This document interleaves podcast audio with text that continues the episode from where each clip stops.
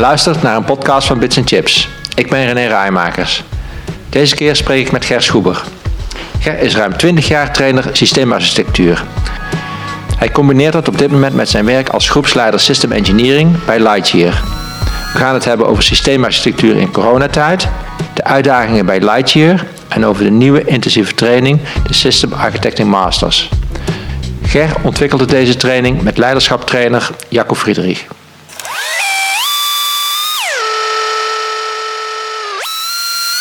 Ger, welkom. Dankjewel, leuk om hier te zijn. Ik wil even teruggaan naar het moment waarop jij in die trainingswereld bent gerold. Dat was ergens rond 2000. Je was op een training of bij een lezing van Gerrit Muller, klopt dat?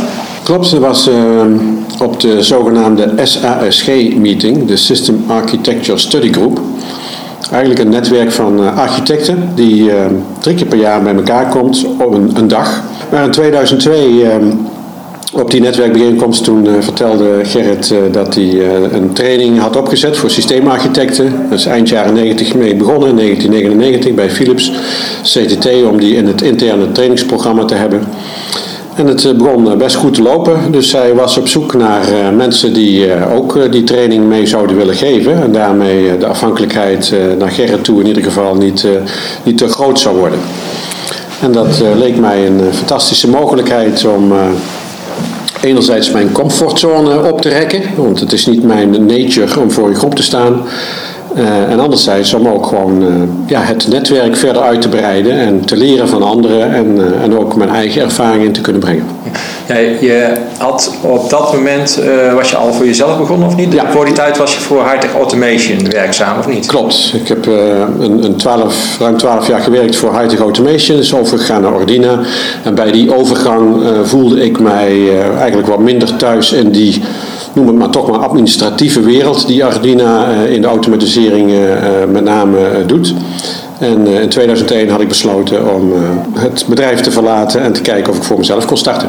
Ja, want jij, jouw wortels die, die zitten eigenlijk vooral in de embedded software, in de technische wereld. Klopt, ik kom echt uit de, de techniek, technische wereld, de technische software, embedded systemen, um, nou, de, de, de OC's, Dreger van de landen, die allerlei technische projecten maken wat beweegt dan wel uh, elektronica aangekoppeld zit. Dat is eigenlijk mijn habitat. Ja.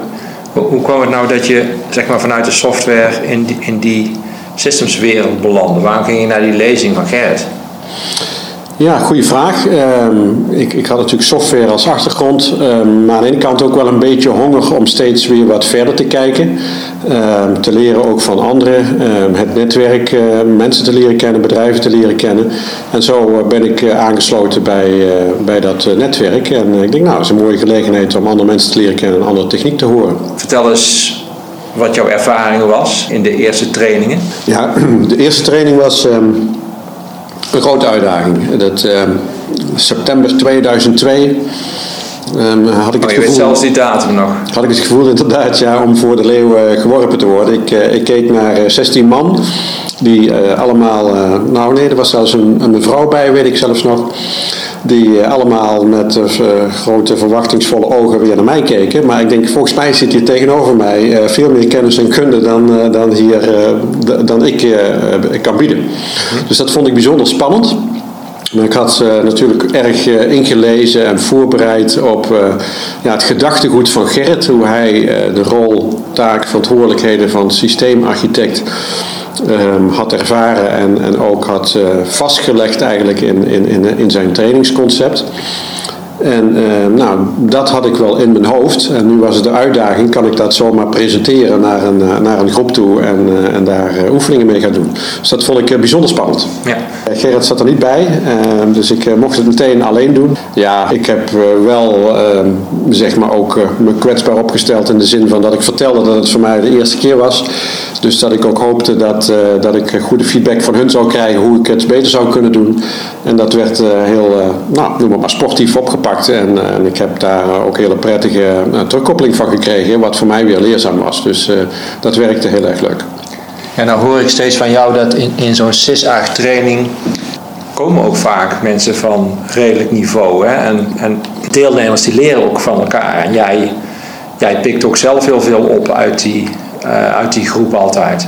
Vroeg me wel af van, die, die training is eigenlijk zo succesvol geworden. Je geeft hem nou, hij loopt in ieder geval bij Heidrich Institute volgens mij zo'n tien keer per jaar, waarbij hij gewoon zelf een heleboel trainingen voor je rekening neemt. Wordt het dan niet een beetje saai om steeds meer dat, dat Kafka-verhaal af te draaien en steeds dezelfde. Ja, dat zou je haast verwachten, maar het is, uh, nee, dat, zo voelt het niet. Juist omdat er ook steeds weer mensen komen die uh, ja, hun eigen verhaal hebben, hun eigen projecten hebben, hun eigen uitdagingen hebben. En, uh, en, dat weer bij elkaar te brengen, daar zie je natuurlijk steeds hetzelfde ja, als basis, als vraagstuk wel weer terugkomen. Maar het kunnen delen van je ervaring die zelf ook steeds verder groeit. En dat dat uh, op de een of andere manier als, als, als waardevol wordt ervaren door de deelnemers, dat geeft gewoon enorm veel voldoening. Nou zitten we hier en op een moment waarbij uh, gisteren een avondklok aangekondigd hè, vanwege de corona-epidemie. Systeemarchitectuur en systeemarchitecten die, die, die leven en die ademen communicatie. Hè? Wat betekent zo'n tijd nou? Het lijkt me gewoon heel moeilijk om in deze tijd eh, te opereren als systeemarchitect.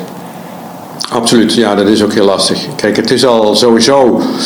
Nou, een systeemarchitect is vaak van origine, van oorsprong een techneut. Nou, de techneut heeft. Ook al vaak weer een beetje het nadeel dat, uh, dat ze het liefst, uh, laat ik het zo maar noemen, uh, van achter het beeldscherm hun job doen. Nou, het opzoeken van communicatie, interactie met mensen is daarmee expliciet een hele belangrijke uitdaging naar architecten toe om dat te gaan doen. de coördinatie te voeren middels ja, veel interactie en contact met mensen. Nou, dat wordt nu door corona teruggeworpen naar doe het toch maar via het beeldscherm ja, je mist dan gewoon echt best wel ehm, signalen. Hè? Dus in een directe interactie waar mensen bij elkaar zitten, gaat zoveel meer extra informatie over en weer dan alleen maar woorden. Uh, ja, dat mis je aan een beeldscherm. Dus dat betekent dat het nog uitdagender en, uh, en spannender is om, om te zorgen dat de dingen niet uh, toch langs elkaar heen gaan. Hoe help je de boel nu eigenlijk vooruit? Ja, dat, dat, is een goede vraag. Dat blijft toch zoeken door nog meer korte interactie op te zoeken in, in, korte meetings. En toch ook wel te kijken naar hoe je toch opties zijn fysiek bij elkaar te komen. Um, ja, we moeten zoveel mogelijk thuiswerken, maar op sommige punten moet je af en toe toch de gelegenheid hebben in een nou, groot genoeg ruimte aan een whiteboard uh, even te kunnen brainstormen, te kunnen praten. Een andere optie is, uh, nou, we maken gezamenlijk een wandeling buiten. En uh, we maken er een, een wandeling van, maar ook een, een, een, werkwandeling in, in de veilige omgeving buiten. Toch overleg met elkaar hebben. Dat daarmee snijdt het mes ook nog aan twee kanten natuurlijk. Hè. Het is ook nog lekker om uh, op die manier eens een keer uh, in de buitenlucht met elkaar uh, over het onderwerp te spreken. Ja. je hebt bij Hotraco leiding gegeven en nu ben je overgestapt naar uh, Lightyear. Lightyear is een, uh, nou ja, zeg toch maar een veelbelovende start-up. Ze maken auto's. Misschien kun je daar iets van vertellen. Nou, Lightyear is een, uh, een start-up vier jaar geleden begonnen met vijf jongens die bedachten dat een elektrische auto op zonne-energie, dus volledig sustainable, realiteit kan worden. Die droom die jagen ze na en uh, ze willen eigenlijk de infrastructuur overslaan. Hè? Dus een normale auto die moet aan, aan, de, aan de lader, dat is lastig. Nou, maar ze hebben bewezen in de World Solar Challenge dat het ook zonder kan. En dat is eigenlijk een, nou, een kleine gamechanger in dat geheel. En ze zijn uh, bijzonder hard aan het groeien. We zitten nu op 140 man. En ze willen die droom waarmaken, maar ze zijn zich volledig bewust dat het alleen maar kan met mensen. Uh, met, met engineers die kennis en kunde hebben en uh, die ja, optimaal moeten kunnen samenwerken. Nou, die ruimte wordt zo goed als mogelijk gecreëerd. Dat heeft natuurlijk ook nu last van het feit dat we met corona zitten. Maar er wordt bijzonder veel aandacht geschonken aan het feit dat mensen het met elkaar moeten realiseren. En dat ze daarvoor goed in vel moeten zitten om optimaal te kunnen presteren. Ja, dat mensen zo belangrijk zijn, dat hoor ik natuurlijk van iedereen. Ik noem het expliciet. Het is, nou goed, ik merkte het aan, aan de gedrevenheid en bevlogenheid van de mensen zelf. Nou, dat geeft al een hoop energie. Dat was voor mij de reden om, uh, om te kijken van nou, zou ik uh, mee mogen doen met, met de reis. Nou, ik merk nu, nu ik daar ben en zo ook de onboarding heb meegemaakt, dat, dat mensen, dat, er echt, dat het ook echt zo is dat er zoveel aandacht wordt besteed aan, aan het welbevinden van de mensen. En dat het niet een, ja, een, een, een, een mooi publicatiepraatje is, maar dat het ook intern zo gaat. Nou, ik mag zelf als groepsleider nu actief zijn voor de System Engineering groep binnen Lightyear. En daarmee is het ook impliciet mijn taak om te zorgen dat de system engineers in de groep optimaal kunnen presenteren. En dat betekent dat ik dus ja, daarvoor moet zorgen dat, dat, dat, dat ze daar optimaal gefaciliteerd worden, dat ze dat kunnen doen. Dus ook puur kijkend ook naar de mens achter de, achter de engineer. Wat maakt uh, die job nou zo uitdagend? Waarom heb je ja gezegd? En waar, wat, is er nou, wat is de grote uitdaging voor jou persoonlijk? Hè? Ja, goede vraag. Nou, dat, heeft ook wat te maken met een stukje ervaringsoverdracht. We hadden het net over trainingen. Dat is ook een, manier om kennis en kunde en ervaring over te dragen. Nou, Lightyear biedt mij die mogelijkheid ook. Ik heb natuurlijk de nodige bedrijven gezien, de nodige organisaties en projecten gezien. Daar heb je van geleerd, hoe dingen kunnen, maar ook hoe dingen uh, niet kunnen. Dus de fouten die je zelf maakt. Nou, met de bevlogen jonge mensen waar ik nu mee samen mag werken, die... Ja, hebben soms niet in de gaten dat in het harde rennen in een bepaalde richting er toch misschien een kleine valkuil ligt. Nou, daar kun je in helpen om, dat, uh, om ze daarvoor te waarschuwen of om overheen te tillen dat vind ik het mooie om bij Lightyear te kunnen doen. Dus uh, niet zozeer dat ik direct aan die auto sleutel, maar met name dat de mensen die uh, die auto gaan bouwen en ontwerpen en maken en produceren, dat ik die optimaal kan helpen in de job die ze hebben. En uh, vanuit de ervaring die ik heb mogen opdoen in de laatste 35 jaar. Zou je daar al een voorbeeld van kunnen geven, zonder dat je zeg maar, daar meteen de geheimen van op tafel legt. wat zijn nou precies, precies die valkuilen van zo'n, van zo'n jong team, van zo'n bevlogen ja. groep? Nou, eh, meer, meer organisatorisch gezien kan ik wel iets noemen. Dat is, uh, we zijn natuurlijk eigenlijk een start-up. Inmiddels toch 140 man. Dat is al best groot. Maar uh, de, de ambitie is om in een hele korte tijd nog veel sneller te groeien. Nou, als je klein bent kun je heel snel schakelen en, en, uh, en heel snel met elkaar overleggen. Op het moment dat je groeit moet je een aantal dingen gaan organiseren. Er ontstaan processen in de organisatie, het wordt wat formeler. Dat is natuurlijk hartstikke nodig. Waar moeten we ons voor behoeden? Dat we daarin niet in doorschieten, maar dat we de combinatie kunnen maken tussen ja en op een gestructureerde manier de zaken organiseren, maar niet blind vasthouden aan die procedures, maar ook juist de creativiteit, de interactie en de innovatie eh, daarmee goed in balans eh, brengen.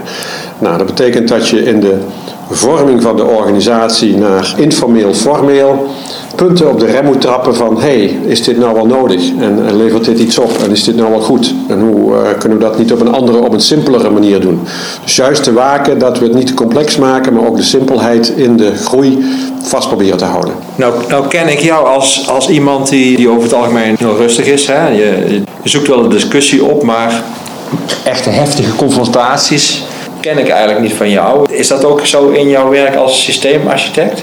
Als systeemarchitect moet je natuurlijk wel besluiten nemen. En dat, uh, uh, maar neem je besluiten op basis van, uh, nou, ik vind dit en zo gaan we het doen. Dat, dat kan zij, links en rechts natuurlijk tot een stuk confrontatie leiden.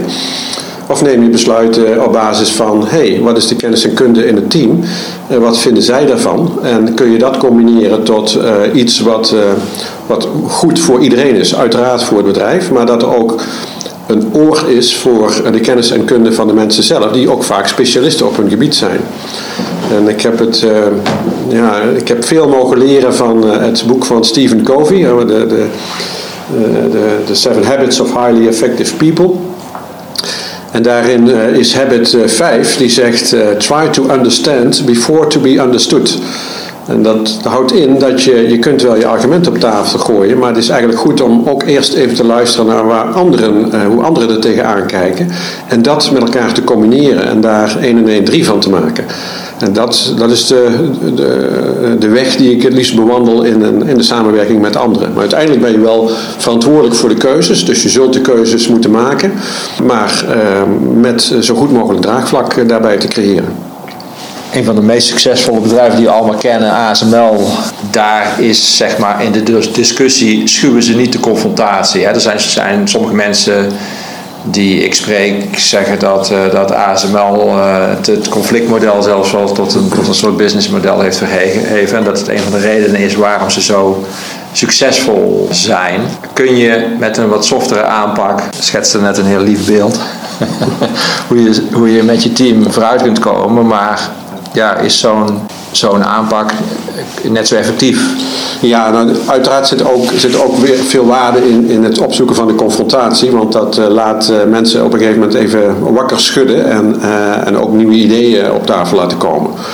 Belangrijk is natuurlijk wel dat je dat altijd in een, in een, uh, in een respect, op een respectvolle manier doet. Hè. Heb je respect voor de ander en de anders inbreng, kun je iemand challengen? Ja, zeker. Goed om dat ook uh, te doen. En, uh, en soms moeten ook inderdaad keiharde besluiten genomen worden omwille van tijd, voortgang waarbij je het mogelijk niet allemaal in de, in de beste harmonie kunt. En dat zijn de afwegingen tussen de korte en de lange termijn. Dus korte termijn, ja, soms moet er een, een, een keuze gemaakt worden die misschien niet zo populair is. En hoe kun je daar dan eh, op een gegeven moment toch even zorgen dat, dat er wel weer uitleg komt waarom die keuzes gemaakt zijn. Maar dat komt dan misschien achteraf. Uiteindelijk gaat het over de lange termijn toch het samenwerken met de mensen. En als je ze allemaal tegen je in het harnas jaagt, dan is de vraag of dat, dat nog altijd goed lukt ook op de lange termijn. Ja. Ja, je bent de SysApp aan het ontwikkelen, de System Architecture Masters. Kun je uitleggen wat die training beoogt en waarom je, het bent, waarom je dat bent gaan doen? Ja, ja die training is eigenlijk, wat we net ook hadden, combineert niet alleen het technische verhaal, maar ook het leiderschapsverhaal. En hoe ga je als systeemarchitect om met mensen om je heen? Nou, dat is een hele uh, waardevolle additie van Jacco, zijn uh, trainingen en achtergrond, om daar uh, heel sterk in te zijn. Nou, ik, heb nou, ik zit meer aan, noem het dan toch maar even de, de, de hardere kant, het proces en, en hoe, hoe, dat, hoe je dat kunt toepassen. Jacco is meer de insteek leiderschap, hè, communicatie. Ja. Ja, dus een leiderschapstuk, de, de mensen, de soft skills zaken die erachter zitten. Hoe ga je nou met een team om? En ik meer vanuit, uh, vanuit het proces en het, uh, misschien vanuit de techniek. Nou, dat moet bij elkaar komen om een goede systeemarchitect te laten zijn.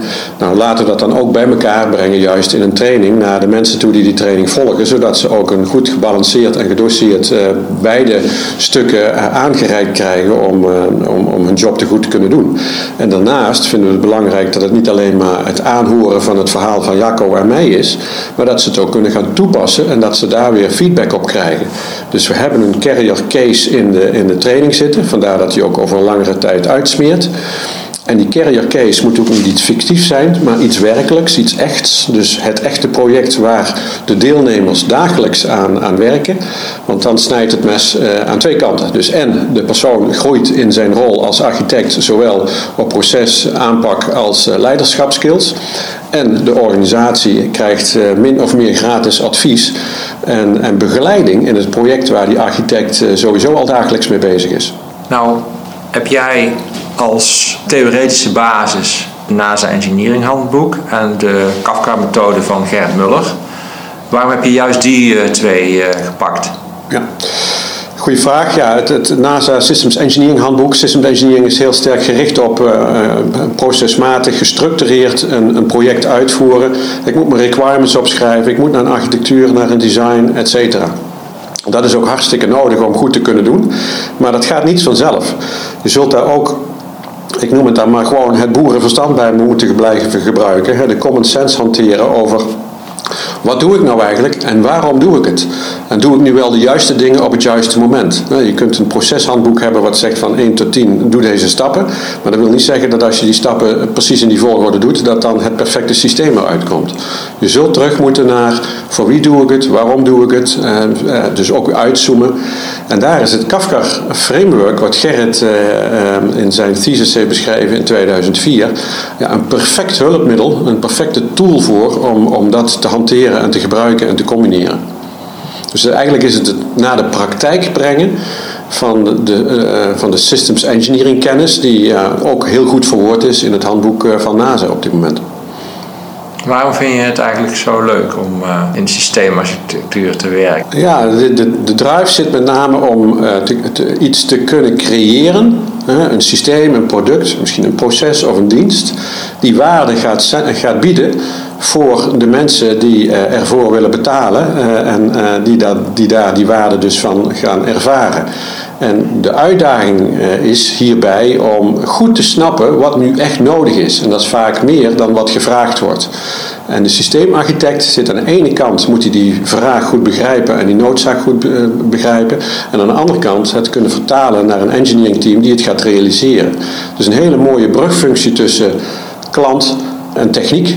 Nou, dat vind ik zelf bijzonder leuk om, eh, om te doen. Waar gaat het nou het meeste mis?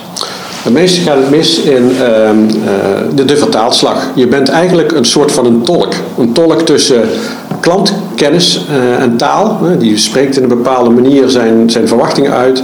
En de techneuten, die ieder ook weer een eigen taal hebben. Nou, dan heb je nog heel veel smaken van techneuten. De, de, de, de mechanical engineers, de elektronici, de optici, noem maar op. Die ook een eigen taalgebruik hebben. Uh, je hebt ook nog te maken met management, misschien wel met productie, misschien wel met service. Hebben allemaal een eigen invalshoek en dus ook een eigen beeld en een eigen ja, taal. En uh, als architect sta je midden tussen die, al die partijen in, als een spin in het web. En je moet die, oh, die vertaalslag steeds goed maken, van de ene naar de andere uh, kant toe. Ger, ik uh, dank je wel voor het gesprek. Graag gedaan.